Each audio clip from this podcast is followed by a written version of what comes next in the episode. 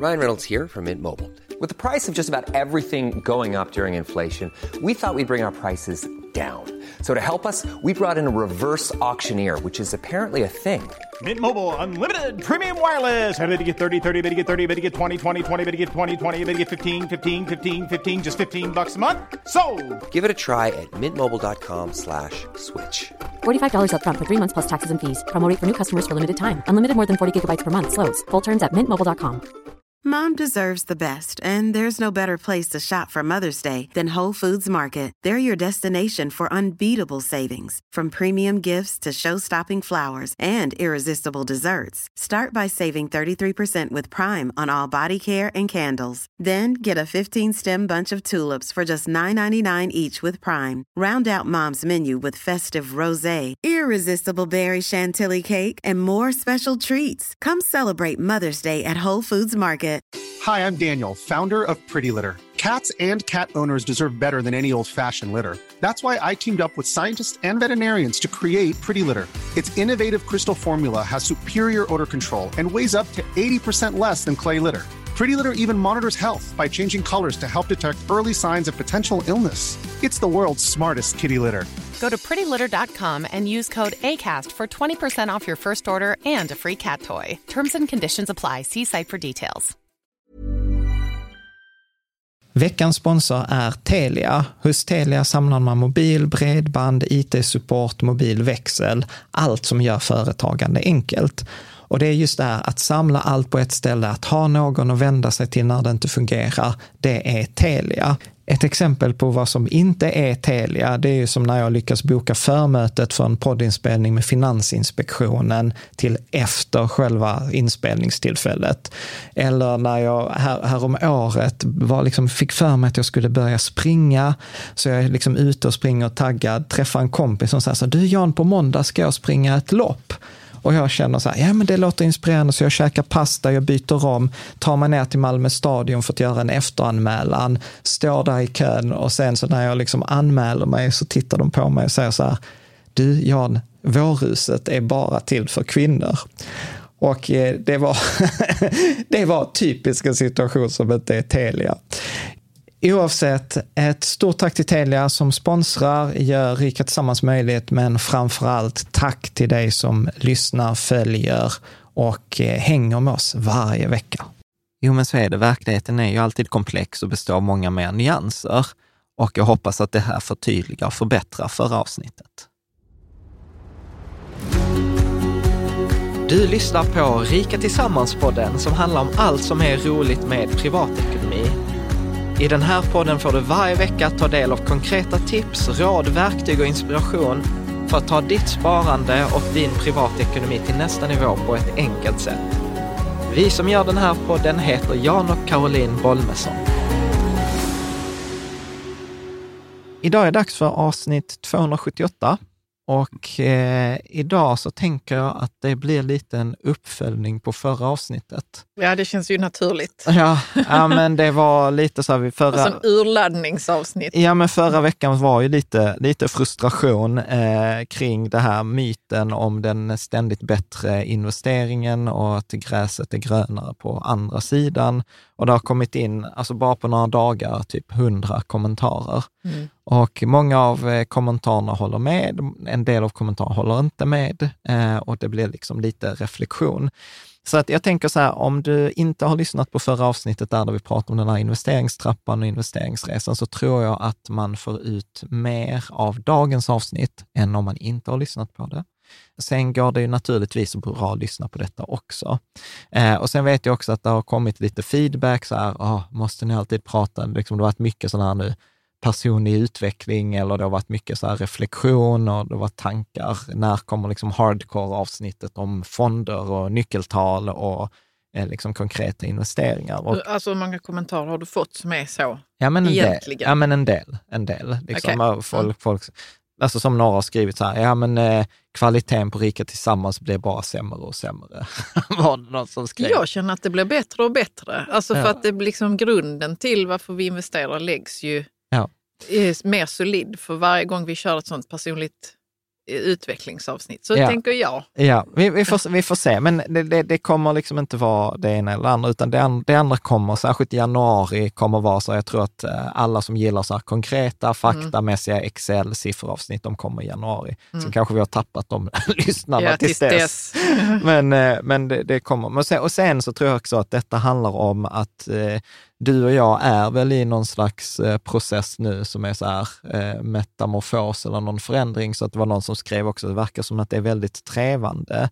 Och ja, det är trävande. Och Trävande. Det, trävande. Och det är en, en sån fas vi är i livet. Och sen upplever jag att det kanske finns ett värde i att visa att det kan vara förvirrat, det kan vara få vara trevande, det kan få vara att man gör misstag, eh, som jag tror vi kommer komma in på, på misstag som vi har gjort eh, på senare tid. Kanske till exempel det här med Teslan kommer upp, eh, tror jag, här i dagens avsnitt. Eh, etc. Pratar du om den som att den var ett misstag?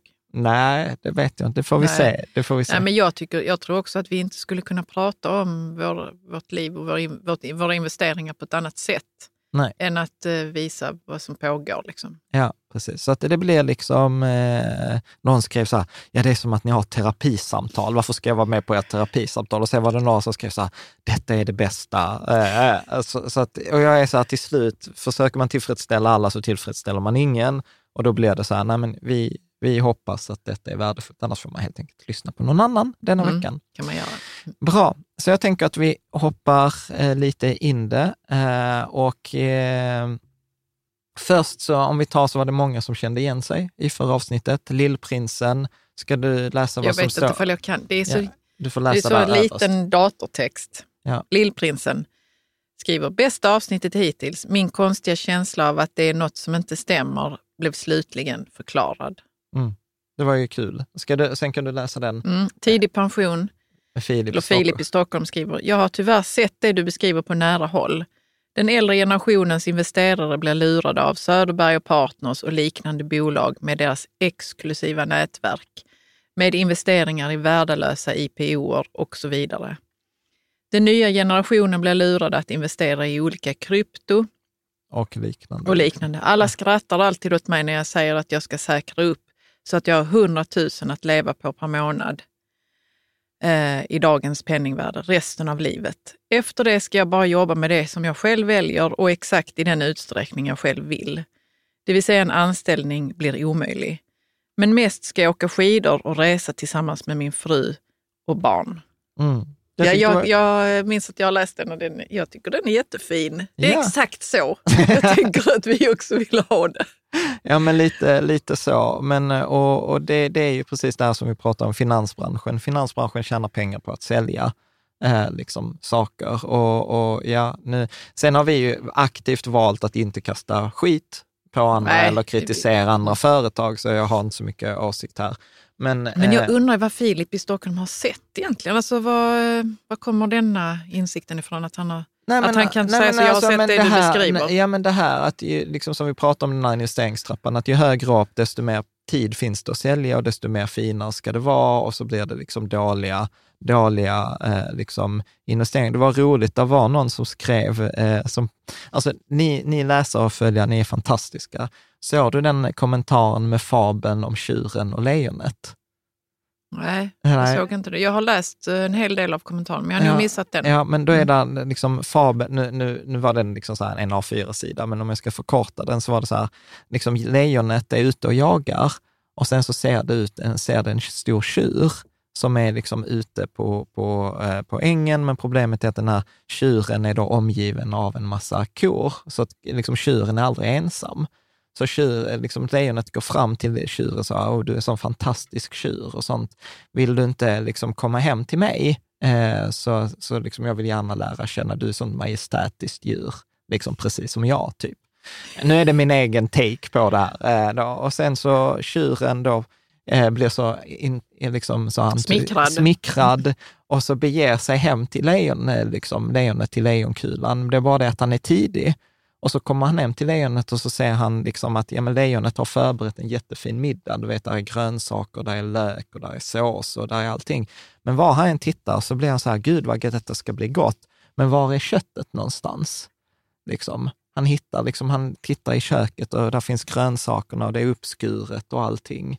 Men han hittar liksom inte, var är, var är proteinet? Var är köttet? Och sen till slut liksom, så inser han ju så här, ja men det är ju jag som är måltiden. Ja. Liksom. Mm. Och, eh, ja, och sen så springer han iväg. Ja. Och sen så dagen efter så kommer leendet, ja men du kom ju inte igår. Eh, och då var det liksom, ja på vissa kalas får gästerna stå för notan. Mm. var väl lite content. Gud vad jag kände att jag inte gjorde fabeln rättvisa, men jag tror ändå poängen gick fram. Ja, men det gjorde Eh, nog. Mm. liksom, eh, i, i det där. Så att, och jag tror att tyvärr så är det väldigt mycket, eh, mycket så. Det var ju någon som skrev eh, här också när vi pratade om så här, men folk har inte investerat sig rika. Och så var det någon som skrev så här, ja men 100 miljoners mannen, det är så här Instagram. Mm. Ja, Så jag, jag, känner, jag känner jag har inte sett till den boken på ICA. Ja, ja, det har jag sig också. Och Ja. då skrev jag så här, ja men eh, eh, Johan, min ami, skriver på, på forumet så här, 100 miljoners mannen skrev ett inlägg på Instagram nyligen att han sedan 2010 haft en snittavkastning på 12 procent. Det mesta kommer nog från att han har satsat stort på Tesla vid rätt tillfälle. Sen kommer väl kanske eh, eh, han, en- vänta, vänta. Sen kommer en stor del från pengar från hans bolag och jag vet inte vad indexutvecklingen hade varit under eh, perioden. Hans mål 100 miljoner till 2030 kräver åt- 18 till 20 procents avkastning. Lyckas han med det så är det hatten av och grattis, han kvalar definitivt in här, liksom i det här sammanhanget att liksom investerat sig rik. Men då skriver då Beck eh, då idag, tillägg på tema 100 miljoners kronors mannen.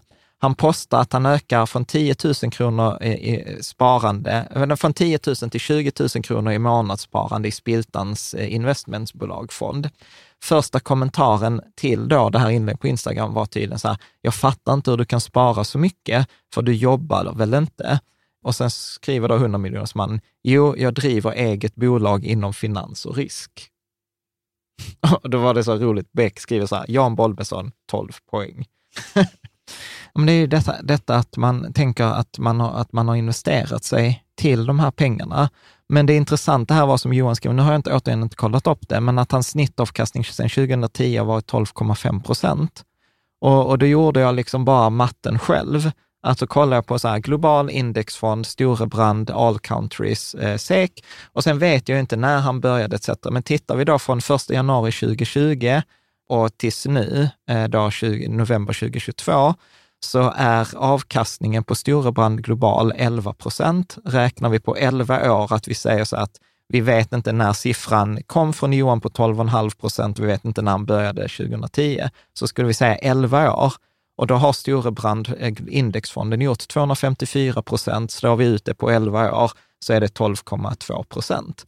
Så att inte ens liksom 100 miljoners mannen, som många då uppenbarligen tror har investerat sig till detta, har haft en indexavkastning. Liksom, givet det här. Och sen så här, men hur kommer det sig att han får sina 100 miljoner? Jo, men han är framgångsrik företagare. Mm. Och, och det är väl liksom, och det är inget fel, det är inget fel, men det visar Nej. bara liksom på, på det här som jag tycker är så jobbigt, den här dissonansen eh, liksom mellan historien man berättar och det som folk liksom tror. Att man kan investera sig rik. Ja, det kan men- man ju om man har gott om tid. Ja, men precis. Men det är ofta så att man har något annat i grunden som företag eller... Ja, men e- exakt. Mm. Eh, och, och, och sen också då om vi tar Johan, som också varit inne då, samma Minami. Då skriver han också om förra avsnittet, så här, mycket bra avsnitt, helt i linje med den positiva riktningen. Där skakar börsåret inneburit för podden. Eh, jag tycker också att det känns bra att Jan säger det rakt ut, att det inte är investeringar som gjort honom rik. Eh, det är ärligt talat något som har skavt i mig några år, men jag har inte hittat något bra sätt att formulera det. Bilden som målats upp har varit att Jan förlorade alla pengar igen senast i finanskrisen, sen började målas spara indexfonder och tio år senare bor han i fint hus och kör Tesla. Indexfonder är bäst. Men egentligen så är det väl så här, Jan har jobbat hårt, eh, eventuellt gjort några lyckosamma investeringar, har nu hyfsat med pengar som hädanefter investeras i indexfonder. Och, och han säger så här, nu känner jag inte att jag kanske formulerat det helt rätt, men jag menar inte att podden har varit oärlig, men att man kunde vara tydligare med att det är, index, det är inte indexfonderna som är rika.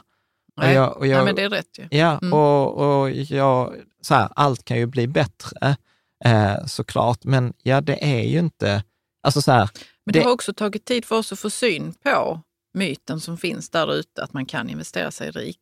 ja, Och vad vi själva har hållit på med. Och, Alltså att det har Ja, tagit men- tid för oss att Ja, få men syn på 2014. och formulera Ja, det. ja. Mm. För jag ska ändå säga så här att ja, jag förlorade pengar i IT-bubblan 2000, men det var ju liksom så här, handen på hjärtat, ja det var 80 procents förlust, men det var ju inte så mycket pengar. Alltså det var ju mer pengar 2008, men även där så var det inte liksom supermycket pengar. Det var ju först 20, från, jag skulle säga så här, autentiskt så kan jag säga så här, från 2014 och framåt har det varit mycket indexfonder. Och ja, vi har tjänat pengar på indexfonder. Det, det ska inte liksom snackas någonting om det. Och det är absolut eh, liksom sjusiffriga belopp. Alltså det, jag ska säga att det är några miljoner som jag tjänat på, på indexfonder. Om man slår ihop allt pension, Lysa, företagens investeringar e- etc. Men det är ju ändå det som var poängen i förra avsnittet. Det är ju ändå liksom i förhållandevis lite i förhållande till det som man har tjänat, eller vi har tjänat på att driva företag och jag har varit managementkonsult och vi har ju försökt göra affärer och, eh, och vara om sig och, och, och, och kring sig. Och det, och det är liksom helt, jag, som någon skrev också i forumet, att det är ju svårt att göra på något annat sätt. Och, och det handlar inte om att, återigen som vi sa i förra avsnittet, det handlar, tricket är inte att sluta spara i indexfonder, Nej. utan, utan för mig handlar det snarare om att det har också skavt för mig det här att, ja men om vi återigen, utan att eh, liksom ge, jag vill inte kritisera 100 miljoner kronors mannen, för att det är lite, jag tror att förmodligen det är samma sak, för han känner väl också förmodligen så att jag har varit tydlig att det handlar om mitt företagande. Han skrev ju det i första kommentaren. Mm. Men bilden när man sitter utanför är ju att man tror ju att det är på investeringarna. Ja, det är så himla lätt att hamna där. Ja, och, Mm. och, och även om jag pratar om att vi sparar indexfonder, det är där vi lägger allt vårt sparande, så vårt kapital har ju inte kommit från indexfonder. Vårt kapital har kommit från att vi har haft lägre utgifter än vad vi har haft eh, inkomster. Så vi har sparat pengar. Vi har sparat pengar både privat och i företaget och sen har vi investerat dem i indexfonder och sen har vi liksom gjort massa dribblat vid sidan och gjort massa misstag där vi försökt göra alternativa investeringar eller Mm. liksom längs den här. För att jag har också varit den som har satt andra på en pe- pedestal.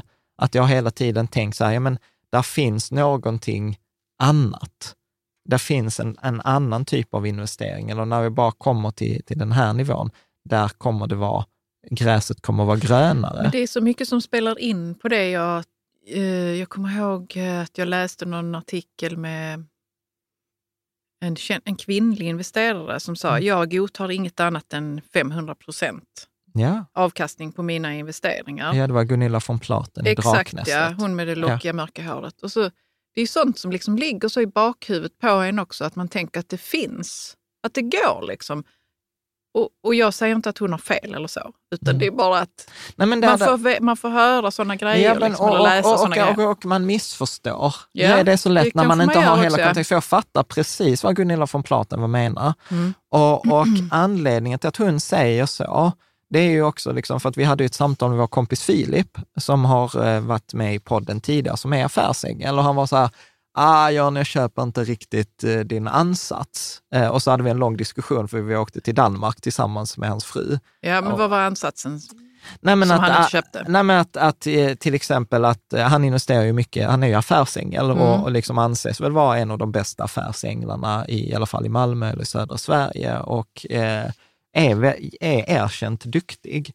Och, och han säger ju så här, ja, men problemet om du ska investera i små bolag, så du måste ju räkna med att 65 procent av dina bolag kommer inte bli någonting. Och, och då måste ju varje enskilt bolag måste ju ha den där potentialen att bli en tiodubblare eller minst 500 Ja, procent ja, på, fem, på fem år.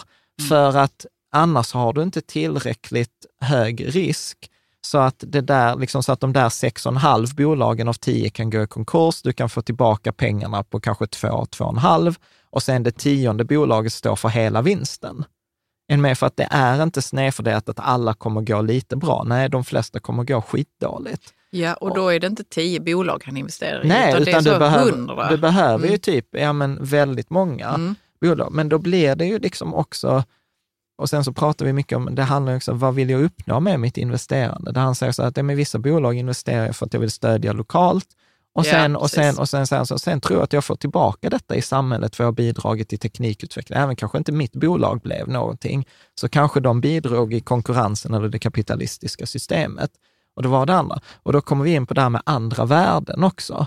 Medans, och det är väl det som jag tror att nyansen här är, att det blir så viktigt att titta, vad är det jag har för förutsättningar? Vad är det som är viktigt för mig? Vad är det för ett mål jag vill uppnå i mitt sparande? Och kommer man därifrån där jag kommer, där jag egentligen inte är så intresserad av investeringar per se, jag är inte så intresserad som han är till Nej, exempel han av, är ju väldigt intresserad. ja, av, av bolagen och utvecklarna, utan jag vill liksom ha en bra avkastning på mina pengar så att jag kan få sitta i forumet och prata om liksom, eh, ekonomi eller liksom lite makro eller liksom fundera på buffert eller tänka ut fyra hinkar-principen.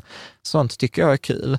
Och då blir ju eh, liksom, eh, att vara affärsängel fel fordon.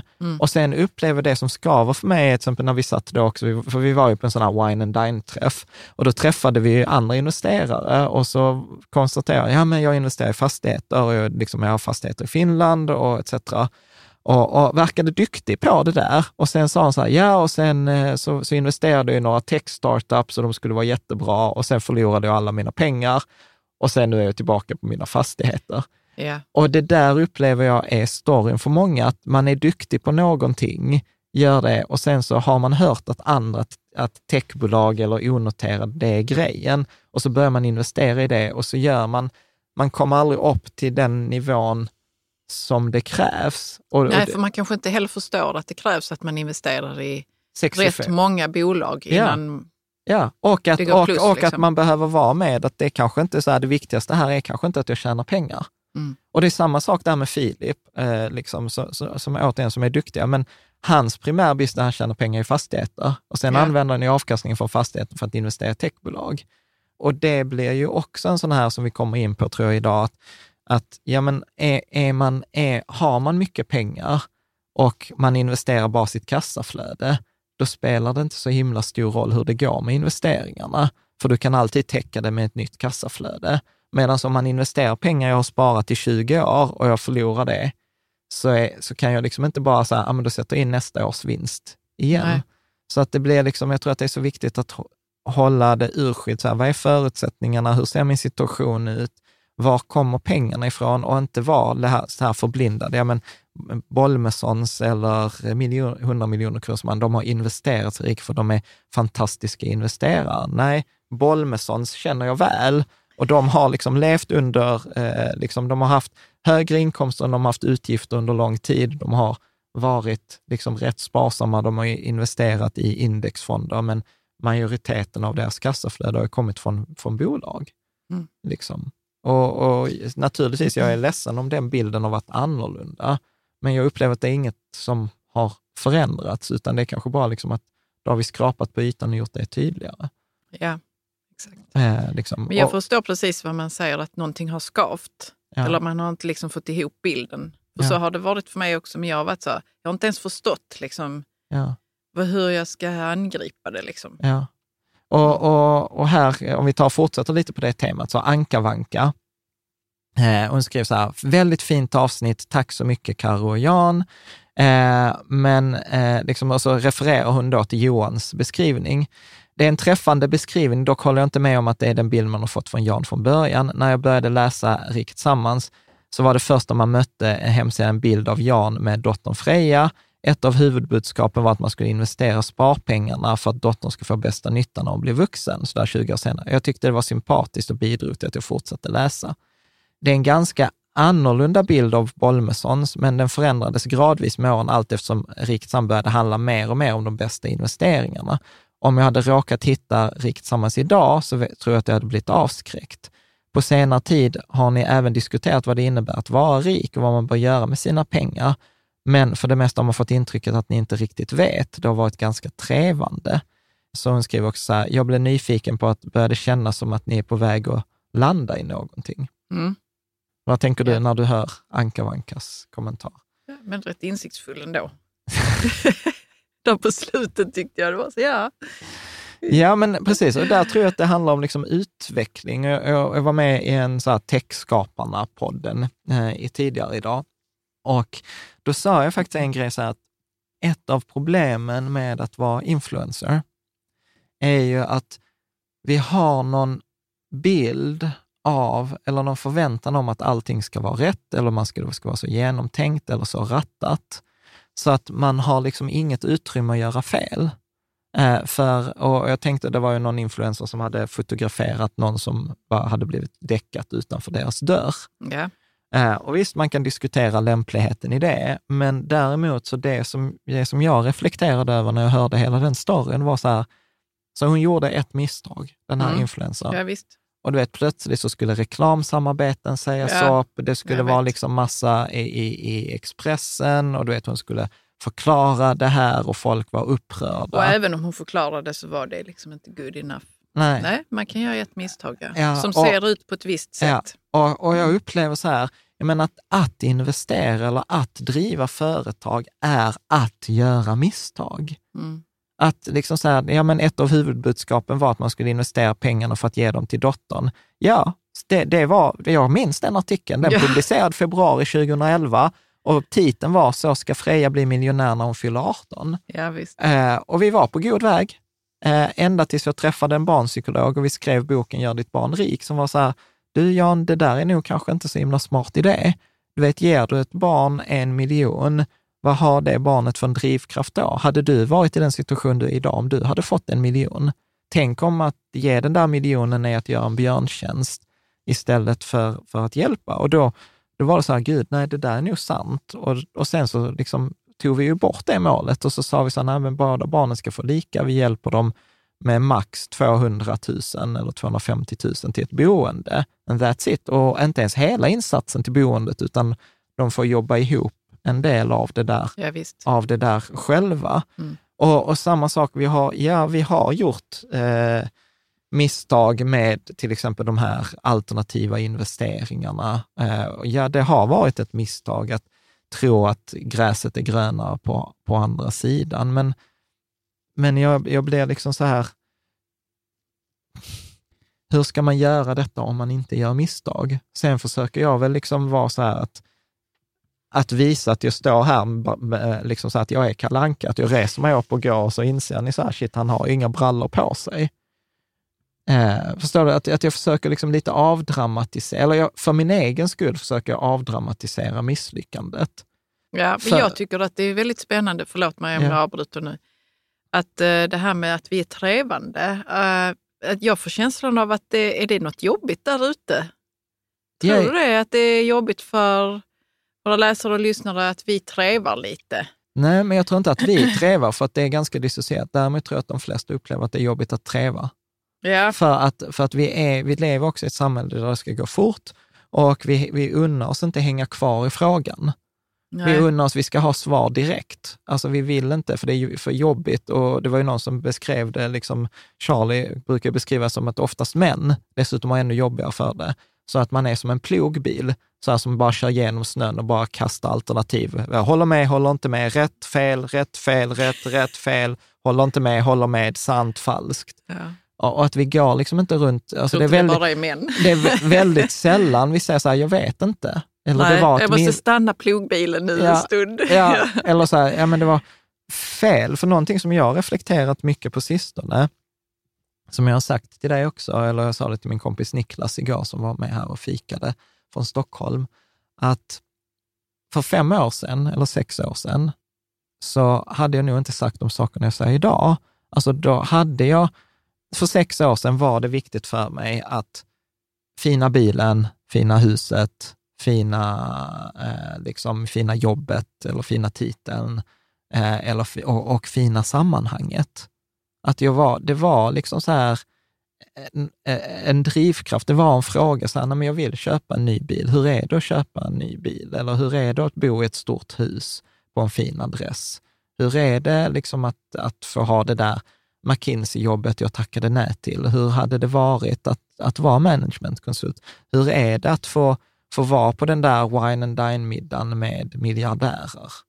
Att, att jag liksom, och det är väl förmodligen på någon os, högst sannolikt en osäkerhet och en rädsla att inte få vara med och liksom undra hur det är där och får jag vara med? Liksom att, att det är Ja. lilla barnet i mig som är så här, snälla kan jag få vara Få med? lite, Kan ja, men, vara men med? alltså, vi ska bara flika in att det är ju väldigt många som söker sig till fina universitet ja. och som söker sig till fina jobb. Ja. Så att eh, alla vi som vill ha den typen av validation, vi är ju liksom inte ensamma. Man vill veta så, jag duger. ja, Och det som jag gör, det är bra. ja. Och så ser man det som en scoreboard, liksom, med vad man lyckas uppnå. Liksom. Eller vad man skaffar sig för tillgångar och så. Men eh, Jo, och, och särskilt liksom för en person med mig, som för mig som har liksom ganska dålig självkänsla. Alltså jag har ju ett gott självförtroende. Jag tror ju så här genuint, alltså jag, jag kan skriva under ibland på Mats Kvibergs så berömda citat, så här, ta mig var fan som helst, jag behövs överallt.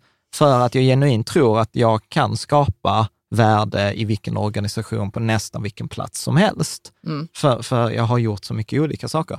Däremot så är jag ju liksom rädd för att jag inte ska få vara med om jag inte får prestera. För att jag har liksom mycket av mitt värde i min prestation. Och detta har ju varit uppe tidigare i tidigare avsnitt. Eh, liksom. Och då blir, då tror man ju, eller jag trodde, att hela tiden så här, men nästa, nästa ställe, när vi, som vi som beskrev det som den här resan i förra avsnittet, att okej, om jag bor i Malmö, men om jag bara flyttar till, till nästa ställe så kommer det bli bättre, Ehm, tänker jag. Har du något mer att säga? För annars tänker jag att jag ska ta lite feedback på det här med resan som vi beskrev i förra avsnittet. nej, men ta feedbacken. Därför det, det var också jätteroligt eh, med, eh, med det här. Det här med flytta runt, så var det någon som skrev så här, alltså så här, det här med flytta runt för att känna sig rikare och få bättre möjlighet att tjäna pengar känner jag inte igen mig i. Jag har gjort bostadskarriär, men det har varit behovsstyrt. Nu bor vi i en villa. Och jag bara märkte så här, gud, alltså det var inte bokstavligt menat. Nej, men det, jag, liksom. var det så det uppfattades? För jag För var nog också några- ganska noga med så, Malmö, då är det en indexfond vi Ja. pratar om. Ja, men det var liksom så här lite otydligt. Och, och, sen, och det kom lite kommentar då, tidig pension skrev också så här, Jan, referenserna med olika bostadsområden i Skåne var inte den bästa, framförallt eftersom det användes genom hela avsnittet. För oss som inte kan relatera till dessa orter så var det rätt effektlöst. Som en riktig älskare av liknelse hade du kunnat komma på något bättre som din analyser förstod sig och därmed fick en större genomslagskraft.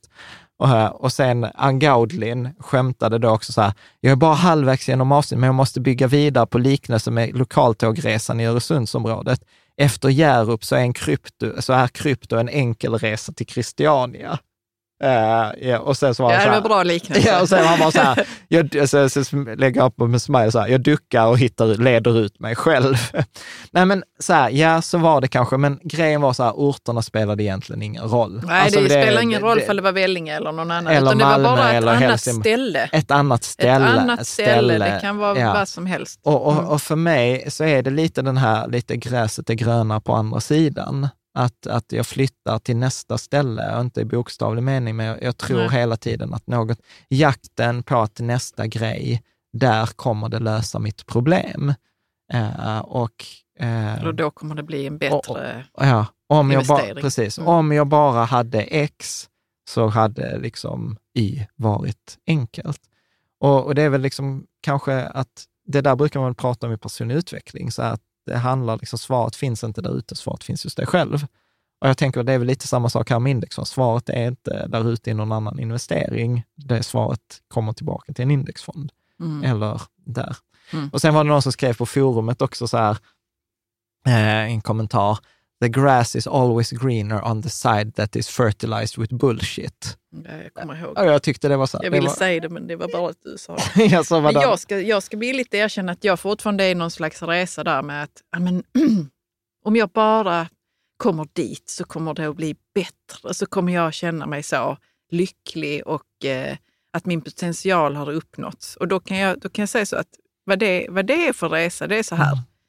Mm. Jag skriver ett, ett filmmanus eller eh, att jag får skriva tillsammans med andra som skriver Mm. filmmanus och de jobbar på Disney typ eller Netflix. Och vi kommer då sitta så på Zoom eh, och eh, de kommer sitta i San Francisco Mm. eller någonting och jag kommer sitta här och jag kommer vara viktig och jag kommer bidra till den här storyn. Mm. Och sen kommer de filma det och så kommer mitt namn stå där som eh, eh, screenwriter och sånt. Och så vet jag så, nej. det, det kommer inte bli så att jag kommer vara lycklig då. För jag kommer ha massa andra problem. Eller det kommer liksom att kännas så som att ja, där blev jag överkörd med mina Mm. idéer eller whatever. Liksom. Mm. Jag vet så att det, jag kommer inte vara Jo. 100% lycklig då, utan det, jag måste hitta en annan väg. Ja, men det, det är ju det jag tror att det kommer handla tillbaka till, att jag tror att processen som är trevande för oss är väl liksom så här, okej, vad är det som är kärnan för oss själva? Vad är det som är sant? Och, och vad är det som, att börja släppa taget om de här förväntningarna utifrån. Ja. Och det där med förväntningarna ut, jag tror att det där handlar mycket om mitt liv, förväntningarna utifrån på boendet till exempel, eller förväntningar utifrån en sån som vi borde ha en Tesla, eller en sån som vi borde göra, bo eller på vad är, detta ställe. fint, vad, är, vad är fint att ha? Liksom, Ja. Eller, mm, ja, något sånt. Liksom att, att det blir Mm. liksom en påverkan. Och, och de som har, sen kommer det vara vissa som har, shit, jag kan inte alls relatera till det ni pratar om nu. Nej, men grattis, Ja. då är ni inte i detta som Nej. vi är i. Ja, och det kommer kanske också med åldern, eh, hoppas Ja, så jag. kan det vara. Att, eh, där.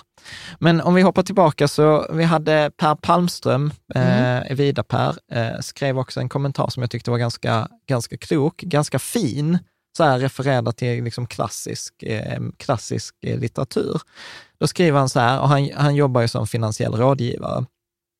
Då skriver han så här, alla som stannar på första trappsteget kommer få samma avkastning.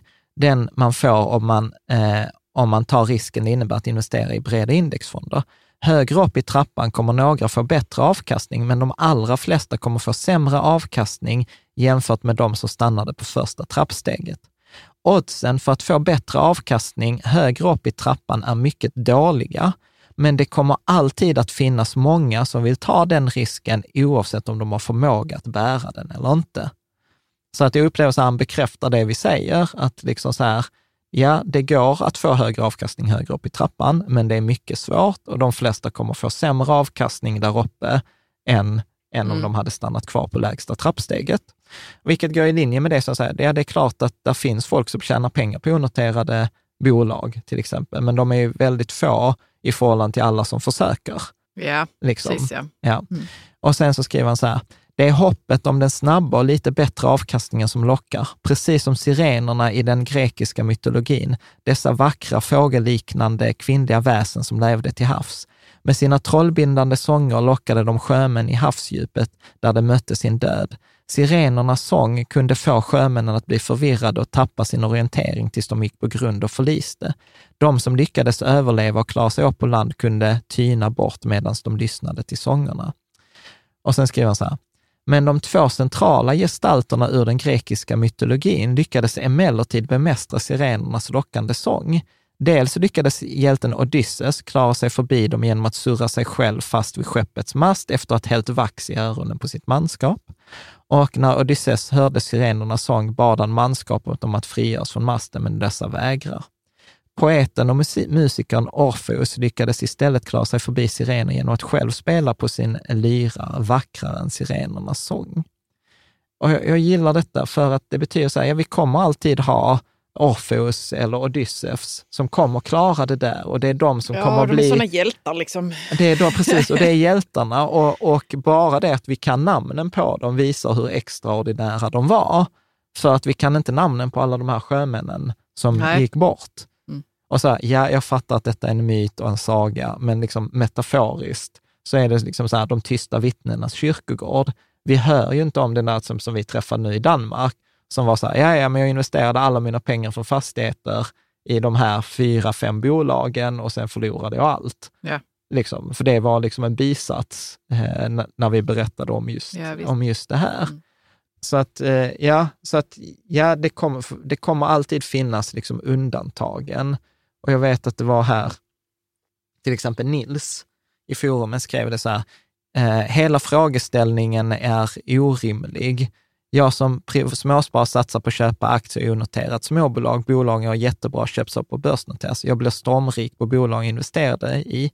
Är jag fortfarande småsparare eller har jag blivit rik på mina privata investeringar eller har jag blivit företagare? Liksom. Och, och så tycker han liksom att där, ja, men det är klart att det finns, så här, ja, men, och någon som skrev så här, ja, men där finns, eh, eh, VC, vänta, jag ska se om jag hittar den här eh, kommentaren här, att det var någon som hade eh, investerat i VC-bolag, eller som hade fått investering från något VC-bolag och han tyckte att de var jättebra och att det hade funkat för dem. Och då känner jag så här, ja men absolut. Eh, mm. Det kommer alltid finnas en Odysseus och en Orpheus. Och det liksom motsäger inte tesen som då Per också skriver, att ja, men de, flesta, de flesta kommer med större sannolikhet få en bättre avkastning på det lägre steget. Ja. Mm. Och det intressanta var ju där som 100 miljoner kronors mannen, att jag tror liksom att hans, även om vi skulle ta första januari 2010 till nu, så ja, då, då säg att börsindex har gjort 11 procent och han har gjort 12,5. Alltså det är ju ingen magisk överprestation eh, liksom på 1,5 eh, på procent som man förmodligen kan, kan ifrågasätta. Eh, liksom. ja. Mm. Jag, jag, eh, alltid när jag är oinsatt i någonting ja. så kan jag vara så, åh, vilken dryg en. Så ska jag sätta mig in i 100 kronor miljonersmannen. Mm. Jag har liksom stört mig på eh, den här titeln. Liksom. Life is full of awesome what ifs and some not so much, like unexpected medical costs. That's why United Healthcare provides Health Protector Guard fixed indemnity insurance plans to supplement your primary plan and help manage out of pocket costs. Learn more at uh1.com. Hey, I'm Ryan Reynolds. Recently, I asked Mint Mobile's legal team if big wireless companies are allowed to raise prices due to inflation. They said yes. And then when I asked if raising prices technically violates those onerous two year contracts, they said, What the f are you talking about, you insane Hollywood ass? So to recap, we're cutting the price of Mint Unlimited from $30 a month to just $15 a month. Give it a try at mintmobile.com slash switch. $45 up front for three months plus taxes and fees. Promoting for new customers for limited time. Unlimited more than 40 gigabytes per month. Slows. Full terms at mintmobile.com. Hey, it's Ryan Reynolds, and I'm here with Keith, co-star of my upcoming film, If, only in theaters May 17th. Do you want to tell people the big news? All right, I'll do it. Sign up now and you'll get unlimited for $15 a month in six months of Paramount Plus Essential Plan on us. Mintmobile.com slash switch. Upfront payment of $45 equivalent to $15 per month. Unlimited over 40 gigabytes per month. Face lower speeds. Videos at 480p. Active Mint customers by 531.24 get six months of Paramount Plus Essential Plan. Auto renews after six months. Offer ends May 31st, 2024. Separate Paramount Plus registration required. Terms and conditions apply if rated PG. Jag har gjort det. Ja. För att då, det är som att liksom... Men om man är en duktig företagare, ja, benör. Alltså ja, ja här, visst, absolut. Men det är liksom... Det är väl smart. Det är ändå att rida på alla, alla som vill bli rikas dröm. Om att... Ja, det vet du inte. Nej, det vet jag inte. Jag är oinsatt. Jag ska ja. kolla upp detta ja. lite närmare. Ja. Men jag kan erkänna att jag har eh, bara skyggat det och bara tänkt så, åh, mm. Nej, fan vad drygt. Ja, men du vet, jag, jag, jag vill bara, alltså så här, alla som är företagare ska ha cred. Liksom. Oavsett. Och, och liksom så här, folk får spela sina egna spel. Jag har, jag har genuint ingen åsikt. Har han, tjänar han bra med pengar, sparar mycket, hjälper folk till ett bättre sparande, alla benör.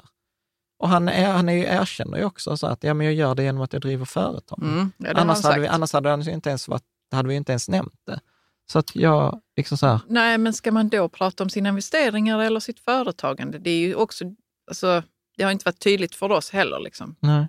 Nej. Nej. Så att eh, kanske har varit ett spännande samtal om tio år över ett glas vin i podden här med honom eller henne eller dem. Jag vet inte. Ja. Eh, en annan feedback eh, från avsnittet här också. Guldfe Erik och Ola Morin och flera andra var så här, det känns helt fel att klumpa ihop guld med krypto, viner etc. under alternativa investeringar. är ju mer som ett alternativ till räntedelen i en portfölj. Uh, och det var många som invände på så här, att det är nyansskillnad på guld och, och de andra grejerna. Jag, ja, här, det är det ju. Jag kan hålla med om det. Det var någon som skrev också så här, okej, okay, guld har faktiskt eh, liksom överlevt i liksom tusentals, tusentals år. år. Ja.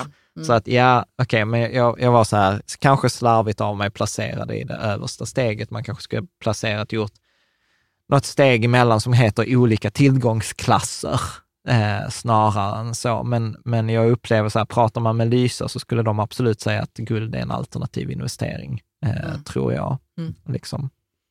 Bra. Ja, men här var det här kommentaren från eh, buspojken. Jag tycker avsnittet är onyanserat vad som gäller VC-bolag, investeringar i onoterade bolag. Jag hade aldrig kunnat starta och driva upp bolag jag gjort utan affärsänglar, så i mina ögon är de något av hjältar som inte bara tar sina pengar och spenderar dem på en jakt eller lägger dem i en indexfond, utan är med och bygger Sveriges entreprenörsvärld. Eh, jag tror dessutom majoriteten av dessa är väl medvetna om risknivån. I mitt fall fick de tillbaka pengarna med råge, så investeringen var ju lyckad. Men jag vet inte hur vanligt det är. Och då är vi tillbaka på det där Filip också mm. sa så här, mm. eh, jag tror missen han gör här är att liksom, i hans fall så fick de tillbaka pengarna med råge, men alltså så här, jag det är tror, inte det vanliga Det är kanske. inte det vanliga. Det är, det, är det, där, det där tionde bolaget som lyckades liksom, mm. och som, mm. alla är, som finansierar alla de andra. Och då är det precis, alltså som det sa ju vår jurist Robin, eh, han sa ju så här, alla människor har ju en roll att spela i det kapitalistiska systemet. Vissa, vissas roll är ackumulera pengar, andras roll är distribuera pengar och någras roll är förlora pengar.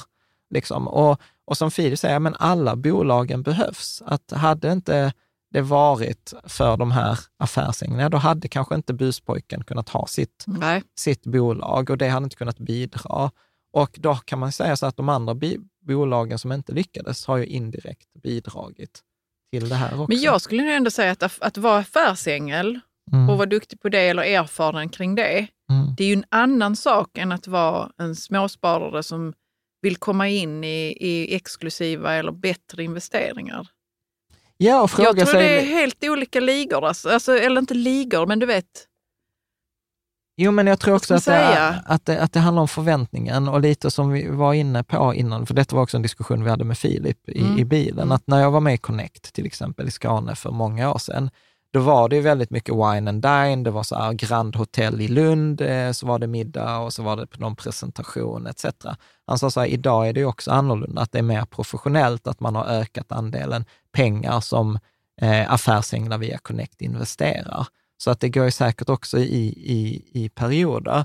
Men jag tror att det är viktigt att se att det är ett annat spel. Ja, och det, det är ett annat spel. Det, och, och, det är liksom inte lösningen att säga, okej, okay, men jag har mitt jobb och, alltså så här, att vara affärsängel, det är som att driva ett företag där man är professionellt affärsängel, så som Filip ja. gör till exempel, där han säger så här att nej men jag, till exempel min roll är att till exempel hjälpa bolagen strukturera dem i tidig fas.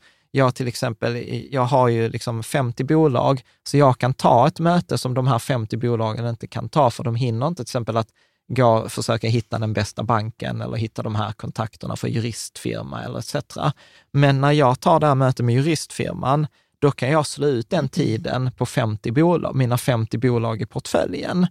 Och då, blir det liksom, då är det ju hans jobb att vara professionell affärsängel. Det är inget han gör vid sidan av. Och det är, det, det är ju det jag menar, så att ja, då är det liksom en affärsverksamhet. Då är det liksom det är inte liksom en passiv investering, du köpte liksom en indexfond eller tre bolag. Nej, det är mer av ett jobb ju. Ja, och, och han är ju också väl medveten, som man säger, så att vet jag, men jag behöver ju ha minst 20 bolag. Minst 20 bolag, jag behöver minst investera 200 000 i varje bolag. Det sa han ju när vi intervjuade ja, honom. Mm. Och redan där, då är vi så här 4 miljoner och sen behöver du lägga tid på det och sen behöver du vara medveten om att sannolikt kommer jag inte ens stå en indexfond över tid med det här.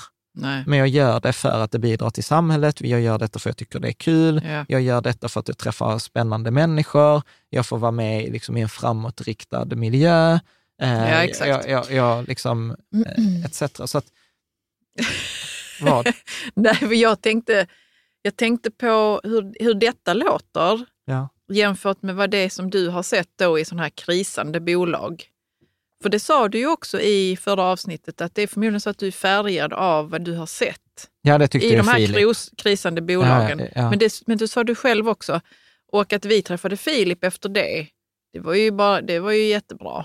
Ja, ja. Han satt och sa att det här är som ett jobb för mig. Jag behöver ju ha 50 bolag liksom för att ja. något ska gå liksom bra och, och sådär. Ja, precis. Men, mm. men, då är, men då är vi tillbaka också på det som någon skrev i en kommentar, att, att det är ju också så här, har du en bra ekonomisk situation och du har de pengarna du behöver, för det skriver, ju, det skriver ju vi själva i den här 525-principen, att ja, men när du har vunnit det ekonomiska spelet, då har du vunnit när du kan sätta fem årsutgifter på ett konto och du har 25 årsutgifter investerat i en 50-50-portfölj.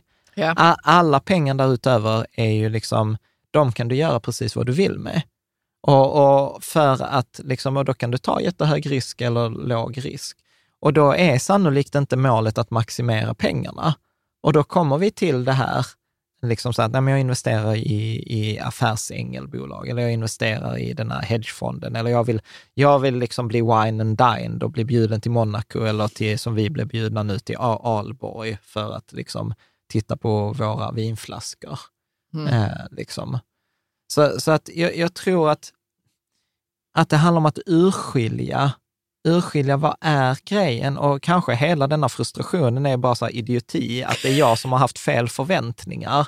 Att jag har trott att avkastningen är bättre eller om det, du vet, det finns den där hemliga delen av finansbranschen där andra inte får tillgång. Och du, vet, den här, du vet, jag har stått utanför den här dörren som har varit stängd och så har jag snälla får jag komma in, snälla får jag komma in, snälla får jag komma in.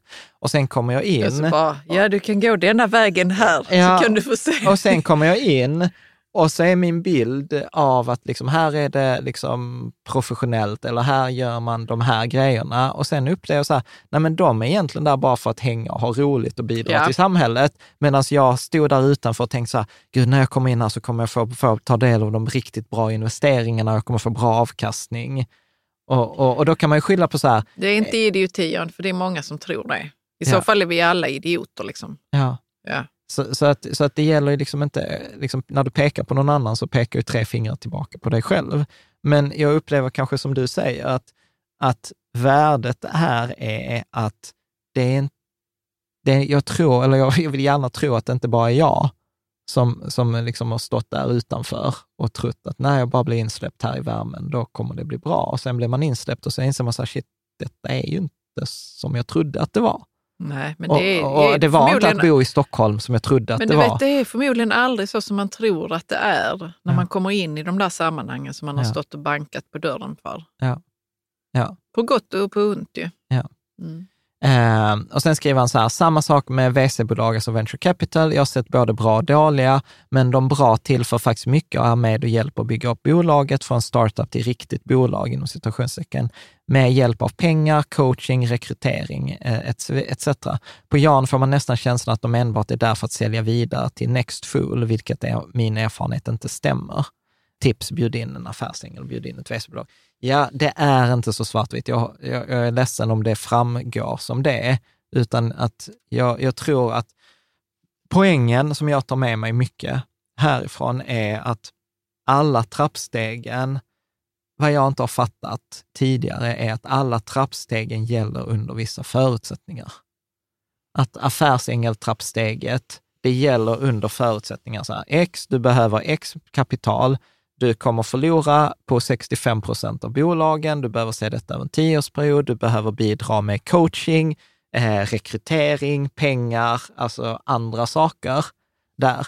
Eller att, eh, okej, men det här steget eh, kvalitetsaktier, det ingår med förutsättningarna så här, du kommer ha roligt, du kommer få läsa på bolag, du kommer kunna läsa årsredovisningar, men du kommer sannolikt underprestera en indexfond för det är bara 4 procent av alla bolag som slår en räntefri fond. Eh, liksom.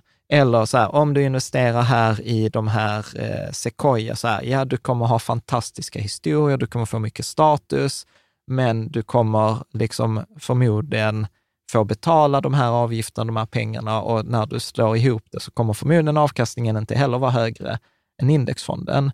Och jag har nog bara tagit så här indexfond, så här, vem som helst kan göra det, man investerar, man får en bra avkastning, det är billigt och det går att göra över tid utan någon kompetens, engagemang eller intresse.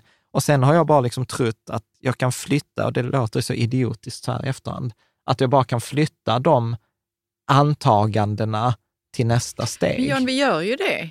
Det är inte som att vi utvecklas fantastiskt mycket när vi liksom är med om eh, helt nya grejer, utan vi tar ju den, den programmeringen vi har i oss Mm. själva och så förflyttar vi oss längs den här linjen då Mm. och tror att ja, men det går att tillämpa allt det som jag tror, även Mm. på nästa nivå. Mm. Men det är ju inte så. Mm. Och det kan ju vara så att man går ett helt liv och inte fattar det. Mm. Att det är andra förutsättningar nu och du behöver växa lite grann, eller du behöver fatta vissa saker eller du behöver ha erfarenhet nu från de här olika grejerna som händer på din tidslinje. Mm. Alltså, det finns många som nog bara går runt med sin programmering och tänker att nu gick det bra, men de är idioter. Ja, och Är du sen, med? och sen, och sen Alltså man man, behöver ju växa och förstå saker. Ja, och sen kan man ju ha, liksom ha tur. Så var det också någon som Man skrev ett tur, klokt, ja. klokt inlägg. Liksom också så här, ja, men vad hade hänt nu om ni hade på det liksom, näst översta trappsteget när ni var liksom så här, spelade elitserien och var inne i till exempel Storskogen eh, innan AMF. Liksom, Eller när ni var inne i Lunar nu innan Kinnevik. Om det hade gått fantastiskt, vad hade du dratt för slutsatser? Jag har Och också det- funderat på det, men jag, det går inte att säga. Jag tror att det går att säga. Jag tror att det där hade ju varit det där farliga som jag själv har varnat andra, liksom som jag har sett till exempel när folk investerar i enskilda aktier, att det går bra och så tror man att det var skicklighet när det egentligen bara var tur. Och det värsta du kan göra, det är ju att blanda ihop tur och skicklighet. Ja, absolut. Men jag... Jag Vad? vet inte. Jag Nej, men- kanske är en liten människa. Ja, men säg. Jag, jag tycker inte om när det blir så, ehm, när jag hamnar i för stora sammanhang. Som vi säger då att Storskogen skulle gått superbra och vi skulle bara så, tjänat massa pengar på det. Ja. Vad skulle vi gjort med de pengarna då? Är du med? Mm. Skulle vi då ha ökat vår livsstandard eller? Är du med på vad jag menar? Vad Ja. frågan är liksom. ja, jag vet inte. Och jag tycker det är obehagligt Mm. när man liksom ska helt plötsligt bli någon annan person och ha större konsumtion och sådana saker. Mm. Det kan låta som en efterhandskonstruktion nu, det kanske det är också. Mm. Men jag vet inte, jag har någon sån här att jag är, en, jag är faktiskt en liten människa som, Mm. jag tycker inte om för, för storvulna grejer liksom. Mm. Eh, Du hade nog bara tyckt så, fan vad gött nu, nu så har vi eh, pengar för 25 år eller whatever liksom. mm. Men jag vet inte John. ja. Jag vet inte, vi kan, vi kan ta in på Skulle tem. vi- Ja. Liksom. Ja, men, eh, jag tror vi kommer. Filip i Stockholm då, av tidig Ja. pension, skriver fortfarande så här. Mm. Min spaning är att Jan har blivit bränd, tar investering i storskogen, går enligt mig emot allt som RT-filosofin står för. Vilket för övrigt är jätteintressant, för det har kommit jättemycket i de här två trådarna som har senast om RT-filosofin. Och jag var så här, alltså jag tror inte ens jag har definierat riket tillsammans-filosofin. Nu har vi en tråd i forumet, så här, vad är riket tillsammans-filosofin? Mm. För att om jag skulle ta det, jag upplever inte att, att jag egentligen har lämnat riket tillsammans-filosofin. För att om jag ska ta konkret exempel här. Ska vi säga vad den är sen eller vad vi tror att den är? Nej, eller? jag låter det vara öppet. Ja, okej. Jag för jag vet inte heller vad Riket Tillsammans-filosofin är exakt. Ja, Men... men det är investeringsfilosofi eller livet eller Ja, whatever. Liksom. du får skriva i tråden som alla Jag ska andra. göra det. Som alla jag andra. ska titta först vad det Nej står. men, nej men så här, så, som jag sa innan, sen 2014 har vi varit ganska mycket basen ska vara indexfonder. Och det har den varit.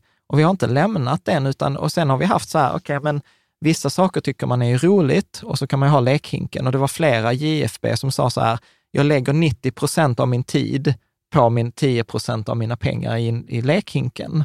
Liksom. Och sen för 90 procent av mina pengar tar ingen tid, för de liksom ligger i, i indexfonder.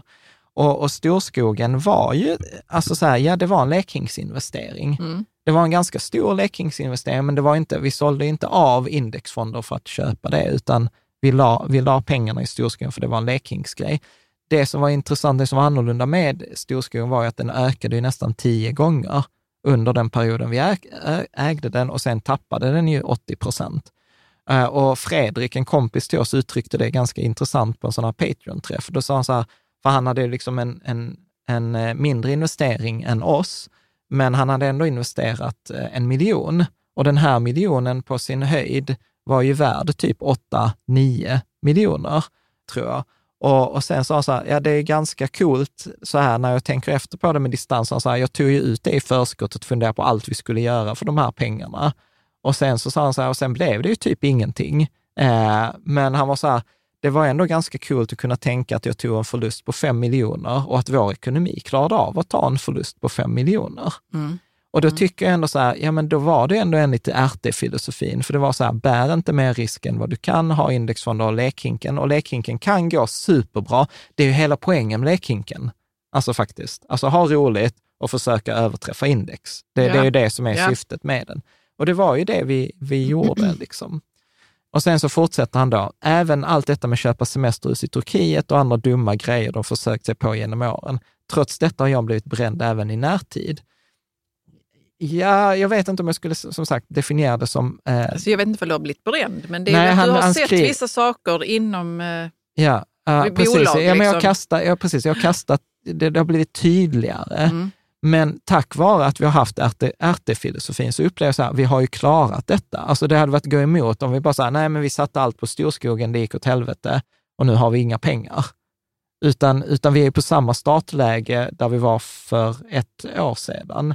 Det var bara det att vi hade kunnat vara någon helt annanstans om, om mm. detta bettet mm. hade gått, gått av. Så att jag, jag, så tänker jag själv. Om det är ni som lyssnar ser det från ett annat sätt så får ni gärna säga det. När sedan så skriver han också ett annat exempel på att han många gånger argumenterat för att ens bostadslån devalveras tack vare inflationen. Så länge man har en låneränta som understiger inflationen och även tillsammans med riskfri avkastning från till exempel räntekonto så bör man inte betala av lånet. Idag är det tydligt med nästan 10 procents inflation och sen riskfri avkastning på 3 procent så överstiger detta vida det kanske 4 procent ränta man betalar på bolånet. Detta känner jag inte riktigt igen. Jag har sagt att om inflationen är högre än räntan man betalar på lånet, så, så får man eh, eh, eh så får man ju, en, vad ska man säga, minskat, eh, liksom lånet förlorar i storlek, förutsätter ju såklart att man kan öka sina inkomster också, så man kan betala räntan. Så jag upplever att detta håller fortfarande mm. och vi har, inte, vi, har, vi har amorterat för att komma ner under eh, 50 gränsen. Men det var en ren likviditetsförbättrande åtgärd yeah. för att förbättra vår likviditet. Det var inte eh, för att någon annan anledning. Och ni får gärna förklara för mig, men jag upplever ju att det resonemanget håller, håller fortfarande. Yeah. Eh, faktiskt. Eh, där. Och sen skriver Petter viktigt, tolkar Jan rätt att han trots rekommendation om indexfond som genomser bloggen som investerar fortfarande tills nya enskilda aktier, till exempel Storskogen-historien. Efter, eller är detta en summering av gamla erfarenheter som är minst tio år gamla? Blev så förvånad över att han verkade längta tillbaka till indexfonder. Själv så har jag ingen lekink just nu, för jag har valt en annan strategi. Ska jag följa den? Varför krydda med 10 procent på all möjlig bråte? För övrigt ett riktigt bra avsnitt. Eh, ja. Eh, nej, det är inte att vi har lämnat. Vi har gjort samma sak. Det var bara att lek... För om vi tar Storskogen-exemplet, så var det att den stack så mycket i den här lekhinken. Och att jag har dribblat med enskilda aktier, det har jag ju liksom också sagt att jag har en investmentbolagportfölj och att vi har eh, månadens aktie med Freja etc. Men det har ju liksom inte varit basen i strategin. Nej. Eh, det som är så att vad, vad, som, vad som, där topplocket gick för mig nu på sistone var ju liksom att jag äntligen kunde sätta fingret på vad var det som skavde för mig på alla de här olika nivåerna. Och eh, jag tror till och med idag är det till och med lite för tydligt att det är ju att, att det är en miss mellan förväntningar och förutsättningar och historien som berättas om steget. Mm. Mm. Det är nog mer den, den, liksom den sammanfattningen. Och det var faktiskt roligt för att vi gjorde en paus nu när vi spelade in dagens avsnitt, så var jag inne på forumet.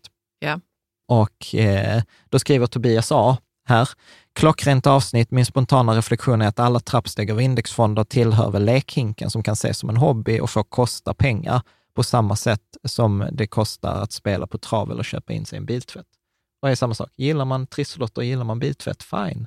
Det ja, men det är, inte så, det är, alltså, det är inte säkert att man fattar det som det. Nej. Att det ska tillhöra le lekhinken. Ja. Um... ja, precis. Och sen skriver eh, Niklas T, skriver om det här med WC-bolag, eh, att, att jag tycker att de var onödigt hårt mot de här affärsänglarna, för det är nog många som är affärsänglar i, i vår community. Men då skriver han så här, exakt min poäng, det behövs verkligen eh, WC och affärsänglar då många alternativ saknas, till exempel bankfinansiering får man inte. Sedan att det inte är något för småinvesterare att hålla på med, håller jag också helt med om. Mm. Och då är vi tillbaka till det där att i förra avsnittet kanske det dök upp som att liksom jag diskonterar eller att jag bara skiter i hela steget. Och jag väl idag kanske lite klokare en vecka senare säger så att nej, det är inte att hela steget är bajsigt och borde tas bort för att det fyller en viktig funktion i samhället. Men storyn om det tycker jag inte speglar verkligheten och Nej. förutsättningarna tror jag, när folk går in i det, är inte tydliga. Eller Nej. de var inte tydliga när jag gick in i det. Men jag ska säga en sak också, att eh, jag har ju aldrig varit inne i affärsängelsbranschen och för mig är det så, vi pratar ju mycket om det där med att man ska ha ett fungerande sälj. Och det kanske man inte kan med vissa grejer. Man måste ha, göra sin uppfinning klar och man måste ha in kapital för att kunna göra prototyp och så vidare. Så är det ju för vissa bolag. Men alltså, har jag fel Jan? Vadå? Och ni som lyssnar där ute, att man skulle ju kunna skapa värde innan man tar in en massa pengar.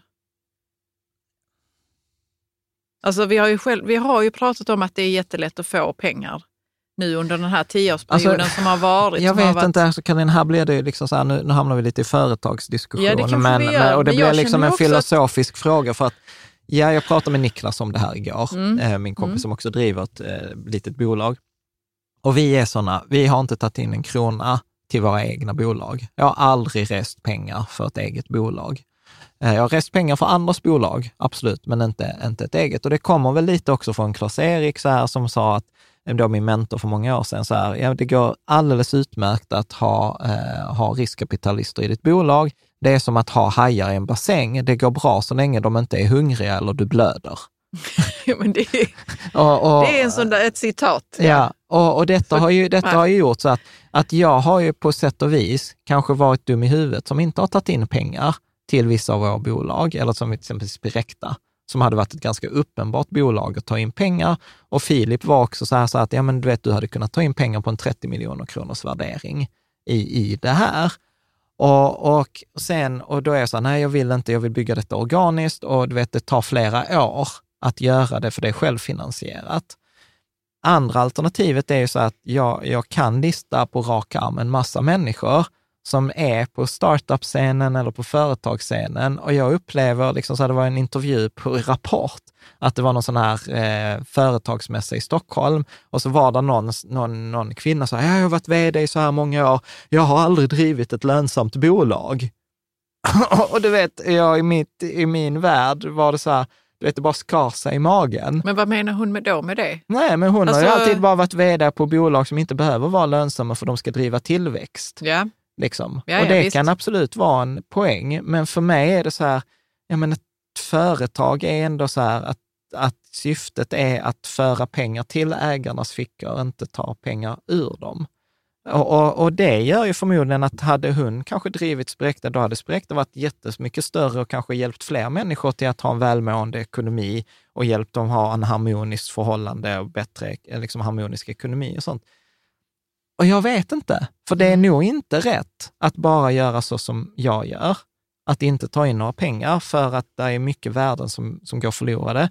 Men jag har också så jättesvårt på värderingsnivå med alla de här människor som bara, där affärsidén är att ta in pengar över tid. Och då kommer säkert någon protestera och säga, ja men det är affärsidén är inte att ta in pengar. Bara så här, ja but it sure looks like it. Eh, liksom. Förlåt att jag skrattar.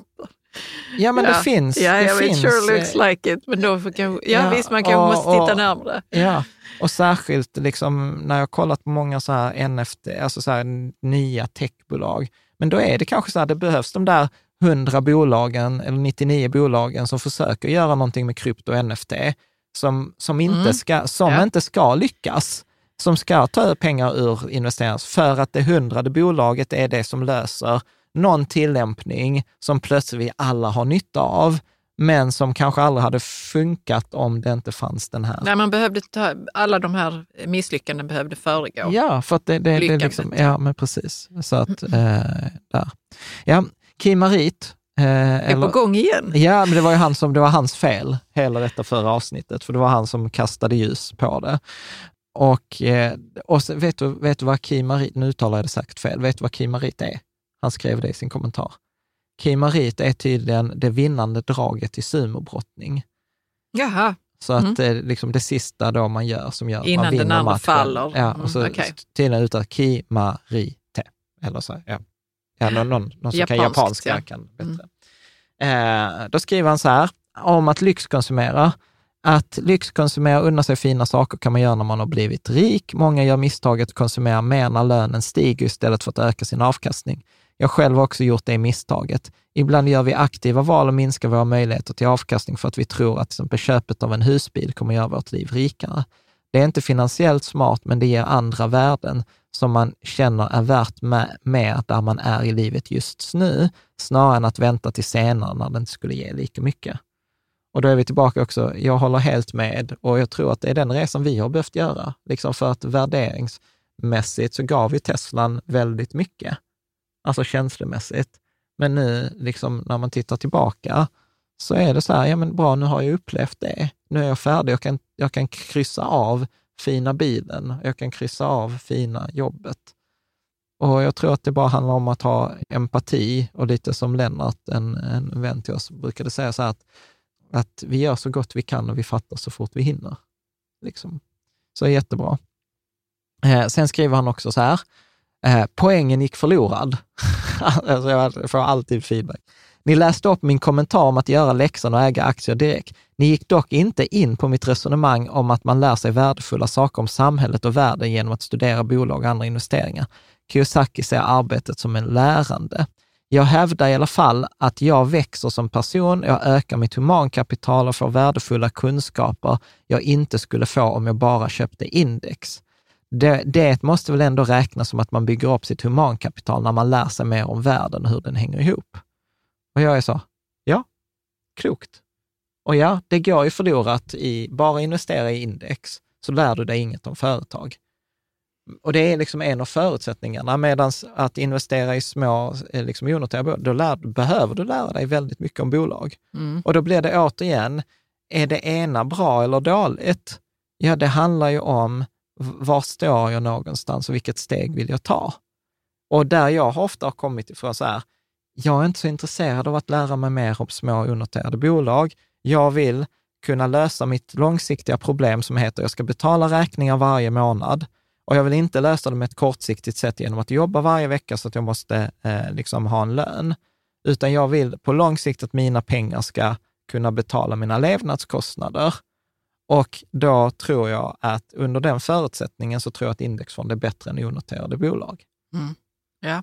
Är med? Absolut. Eller så säger någon så här, ja, det där är 50 procent viktigt för mig och sen är det 50 procent viktigt att lära mig om onoterade bolag och sen är det viktigt för mig att bidra till lokalsamhället och bidra till unga entreprenörer och ge dem möjligheter så att vi som mänsklighet går framåt. Ja, då är ju indexfond jävligt dåligt alternativ. Mm. Liksom. Och jag tror att det är väl liksom, Vad, vi- vad vill du lära dig för någonting? Jan? ja, en bra fråga. Jag vet inte. Jag vet inte. Spännande. Ja. För jag sitter också här och funderar över mina värderingar och vad jag vill lära mig. Jag vill ju bara ha indexfonder så att jag kan ägna mig åt annat. ja, men exakt. Och, och, Och det, och, det, förlåt, och det är ju en möjlighet med indexfonder. Ja. Indexfonder ger dig möjligheten att ägna dig åt annat. Mm. Men, men indexfonder är dåligt om du vill lära dig mer om bolag. Ja, men då kanske man bara ska ha lite grann och sen så ska man sätta sina pengar i, Mm. på spel i bolag. Liksom. Eh, och bra. Och sen var det faktiskt e, Aeter och Helena Roth, då Mm. Tankespjärn, kastade ljus på två sista saker. Eh, han, han skriver så här, du blir rikast på att sälja investeringar, säger du under avsnittet och det är så rätt i denna tidsålder. Jag kan inte komma förbi en sida av inlägg på Twitter och LinkedIn utan att se någon försöka pitcha denna försäljning. Otroliga mängder människor försöker sälja framgång eller rikedom genom enkla små knep som bara kostar en tusenlapp, som ger tillgång till ett fint nätverk eller liknande. Har tappat räkningen på dessa människor som skyltar med hur framgångsrika de är genom att sälja sina egna tjänster. Det, ver- det är verkligen en återvändsgränd som, fo- som folk köper in på i tron att de också kommer att lyckas och, bli bli miljonärer på att sälja sina knep till andra. Och, och Helena skriver detta också i en lång kommentar så här, utöver det, jag vill, vill jag bara säga att det du trycker på här, att en av de saker som skaver rejält för mig med, de flesta framgångsrika coacher sysslar med coachträning. De flesta framgångsrika marknadsförare sysslar med marknadsföringskurser. De flesta framgångsrika författare sysslar med skrivarkurser och tips. Och hon skriver så här, jag blir så trött på det och samtidigt så är det precis vad du säger här. De flesta blir inte rika på investeringarna utan på att sälja investeringarna. Och detta var ju liksom att bara flytta det så här i sidled. Detta har ju skavt för mig asmycket också. Vilket, vilket då exakt? Nej, men att, eh, att eh, så här, man kan driva en bra coachbusiness på att sälja coachutbildningar till andra coacher. Mm. Och till slut, du vet, det var en av grejerna jag inte gillade med balansekonomi till slut. Att eh, liksom de enda vi utbildade var de som sen skulle utbilda andra. Och jag var så här, fast det är ju inte de, alltså jag vill ju jobba med någon som jobbar för sin egen skull. Och det är väl liksom detta som är liksom hela avsnittet, eller de här två avsnitten, att vi kommer tillbaka så här, nej men jag vill investera mina pengar, jag vill inte sitta och sälja investeringar. Liksom. Och då blir det liksom problematiskt för att det skaver. Ja. Eh, liksom. Och jag vill inte sälja så här, hur blir du en bättre bloggare eller hur bygger du en community? Nej, det har liksom. väl aldrig legat för oss. Nej, utan jag är genuin så här, jag vill ha ett rikare liv. Och, och för mig är liksom Rika Tillsammans så här, resan där vi gör detta tillsammans. Och sen ser jag liksom min roll väldigt mycket att hålla uppe tältpinnen, att så här, kom in här i denna communityn. Och sen så pratar vi, gör vi detta här tillsammans som jämlikar. Och vi har en annan diskussion också det eh, på forumet som handlar lite om den här frågan. För att problemet blir att ofta den som håller tältet uppe blir satt på en piedestal. Mm. Och, och, och blir man satt på piedestalen så blir det jävligt svårt att göra misstag. Ja. Och, och, och det är väl det jag försöker också med detta avsnitt säga så här, nej men kolla här, den här bollmössan här, han har inte liksom alla hästarna hemma, eller som Vanessa, en kompis, då sa så här, eh, hamsterhjulet snurrar men hamstern är inte hemma. Då liksom. undrar jag, vad är det som snurrar hjulet då? då? men precis. Eh, precis. Eh, bra. Bra. Nej, men jag tror, eh, jag tror att faktiskt att det är allt. Så att jag tror Melva sammanfattar lite avsnittet. Hon skriver så här. Såg precis klart avsnittet, kändes som en urladdning, kanske början på en tydligare riktning, både för er två och Rika Tillsammans. Det ska bli spännande att se vilken riktning ni tar nu. Det känns som det är en nystart på gång. Mm. Och jag tror att det är väl mycket där vi är i livet just nu. Så det känns som en omstart.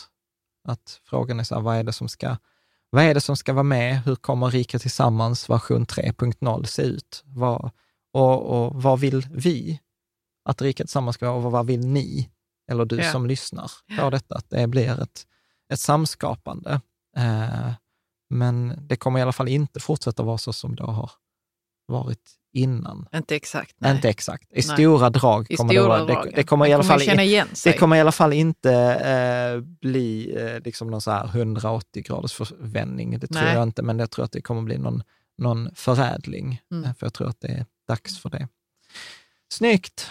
Eh, ett långt avsnitt som vanligt. Hoppas att eh, liksom detta var, ja, förtydligar kanske vissa saker. Tog oss kanske lite lång tid att komma fram till att det handlade om förutsättningarna. Men man, fattar, man gör så gott man kan och fattar så fort man hinner, eh, tänker jag. Och tack till alla er som kommenterar, som lyssnar, som följer, för att, ja, men som sagt, jag ser ju detta mycket som vår, vår resa tillsammans, inte som att vi sitter på någon piedestal och berättar för andra hur de ska göra, utan tvärtom. Nej, det blev väldigt, eh, det blev ett eko då bara. Vi Ja. vill inte ha det. Vi vill ha en diskussion och ett samtal. Ja. Blir bättre. Ja, men Mm. precis. Eh, snyggt. Stort tack. Tack. Så ses vi nästa vecka och då tror jag att vi hoppar tillbaka till boken eh, och eh, kör sista Rich Dad och sen börjar vi förbereda för januari där det blir bästa fonderna, bästa fondrobotarna, eh, lite, lite sådant mer Mm. tekniskt, inte Mm. så mycket flum. Ha det så bra, tack.